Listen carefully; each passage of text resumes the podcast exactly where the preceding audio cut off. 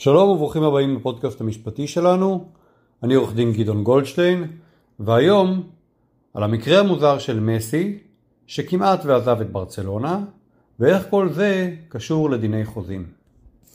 גם אם אתם לא אוהדי כדורגל, קשה היה להתעלם מהכותרות בשבועות האחרונים. האדמה רעדה בעולם הכדורגל. זמן קצר לאחר ההפסד הצורב של ברצלונה, בתוצאה 8-2, מסי הודיע לברצלונה שעל פי ההסכם איתה הוא רשאי לעזוב בסוף העונה, והוא החליט לממש את ההסכם, הוא רוצה לעזוב את הקבוצה ולחפש לו אתגר בקבוצה חדשה.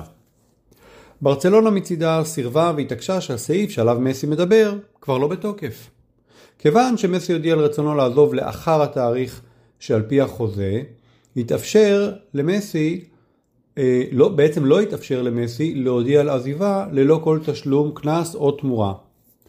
לכן, כך ברצלונה טענה, כל קבוצה שתרצה את מסי תצטרך לשלם לברצלונה 700 מיליון יורו, לא פחות.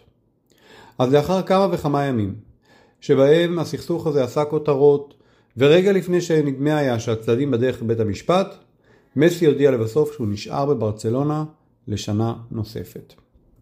אנחנו לא ננתח את המהלך הזה מבחינה ספורטיבית, אלא מבחינה משפטית, ולאור הנסיבות, על רקע הקורונה. מיד נסביר גם למה זה יתחבר לפודקאסטים קודמים שהיו קשורים לקורונה. הערה קטנה לפני שנתחיל, אין באמור בפודקאסט הזה כדי להוות ייעוץ משפטי, חוות דעת או תחליף לייעוץ משפטי אצל עורך דין. אז אמנם לא הצלחתי לשים יד על החוזה של מסי עם ברצלונה, אבל אנחנו ננסה לנתח אותו על סמך מה שידוע לנו ועל סמך הדין הישראלי, שאין לו באמת קשר לדין שעל פיו היה המקרה הזה נדון בבתי המשפט. למה? פשוט מאוד, לפיפ"א יש סט חוקים משלה, והחוזה של מסי כנראה היה נבחן על פי חוקי פיפ"א ולא על פי דיני החוזים בספרד, ובטח שלא על פי דיני החוזים בישראל. הסעיף בחוזה של מסי שעליו כל המחלוקת היה סעיף בחוזה שעליו מסי חתם מול ברצלונה בשנת 2017 לתקופה של ארבע שנים נוספות. הסעיף הזה אפשר למסי להשתחרר בסוף כל עונה בחינם. ממש ככה, ללא תמורה. הבעיה הייתה השנה, שבגלל שהקורונה אה, נכנסה, אז עונת המשחקים השתנתה והתארכה גם בליגה הספרדית וגם בליגת האלופות. ולכן, בעוד שבכל שנה הליגה מסתיימת בסביבות חודש מאי, והמשחקים האחרונים של ליגת האלופות סוף מאי, תחילת יוני, השנה הגענו לאוגוסט. הרבה אחרי המועד שבו לטענת ברצלונה למסי הייתה את הזכות לממש את הסעיף הזה בחוזה ולהודיע על עזיבה. כעת כשהמועד חלף, אם קבוצה אחרת תרצה אותו, היא תצטרך לשלם לברצלונה 700 מיליון יורו.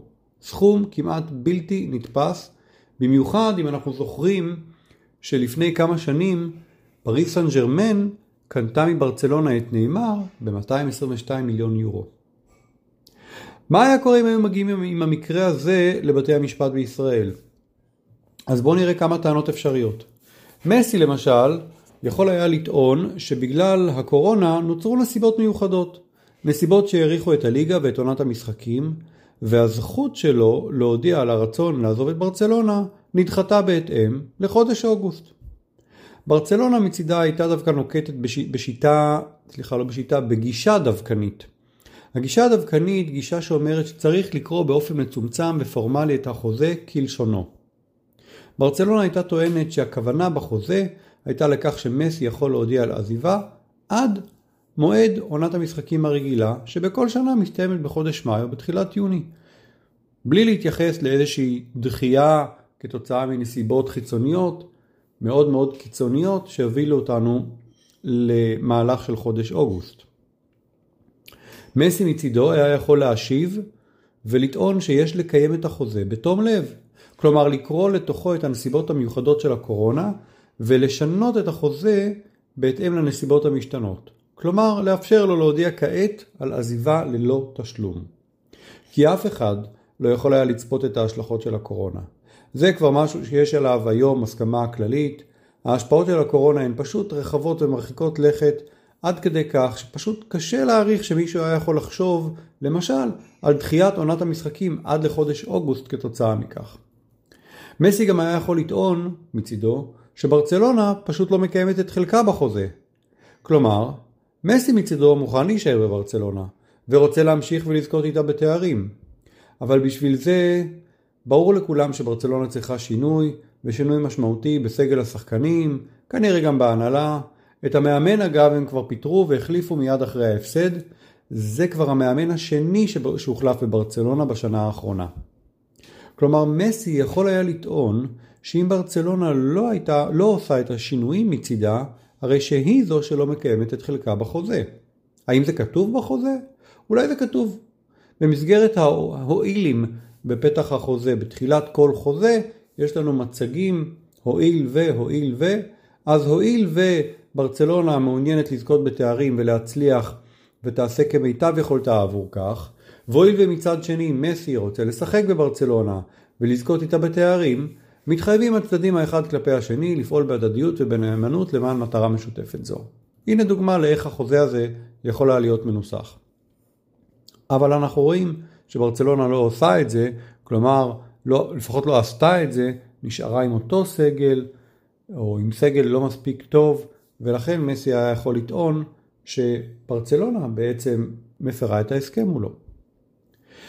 אבל מסי וברצלונה זה לא סיפור מהיום, זה סיפור של 20 שנה בערך. למי שלא יודע ולא מכיר, ברצלונה תמכה במסי ומשפחתו עוד כשהיה נער. הוא שיחק אצלם מאז שעלה לבוגרים, וכמעט אין מי שיחלוק על כך שהוא הפך לכדורגלן הגדול ביותר בשורותיה, ואולי בכלל. כישרון ויכולת נדירים הובילו אותו לשלוט בכדורגל העולמי, לנפץ שיאים בזה אחר זה ולקטוף אליפויות. ברצלונה, בעידן מסי, בוודאי כשהכל התחבר בקבוצה והכדורגל שלה הצליח, היה משהו פנטסטי. למי שמכיר, היה את הטיקי טקה המפורסם בזמנו של אה, מסי, משהו שפפ גורדיולה הנחיל חזק לקבוצה הזאת. למה כל זה חשוב לנו? משום שבפרשנות של חוזים, על פי הדין הישראלי, ישנה גם משמעות וחשיבות למשך ההתקשרות. דיברנו על זה באחד הפודקאסטים, כשניתחנו את פסק הדין שניתן בעניין ביבי כבישים, פסק דין של בית המשפט העליון. חוזים שבהם ההתקשרות היא התקשרות נמשכת לאורך שנים, ומדי פעם נחתמים אה, חוזים שממשיכים את ההתקשרות, אבל מעדכנים את תנאי התשלום, שכר למשל, במקרה של מסי, בתי המשפט מגלים בהם גמישות בפרשנות שלהם. מנסים להתחקות אחר, אחרי הכוונה של הצדדים להתקשרות ארוכת טווח. לכך שהצדדים היו מוכנים לשם כך לא לדקדק בכל מילה ומילה שהם כתבו בחוזה המסגרת שלהם. מנגד, יש מי שיטען שמסי היה מיוצג כאן על ידי מיטב הסוכנים ועורכי הדין, ויכול, ויכול היה להקפיד על מה שייכתב אם זה היה חשוב לו.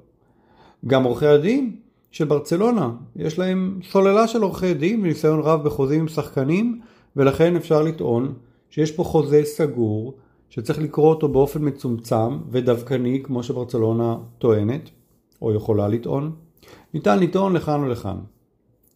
היה ברור שברצלונה מתעקשת לקבל פיצוי עצום על מעבר של מסי לקבוצה אחרת, ויש מעט מאוד קבוצות, אם בכלל, שיכלו להרשות לעצמן לרכוש אותו מברצלונה תמורת 700 מיליון יורו.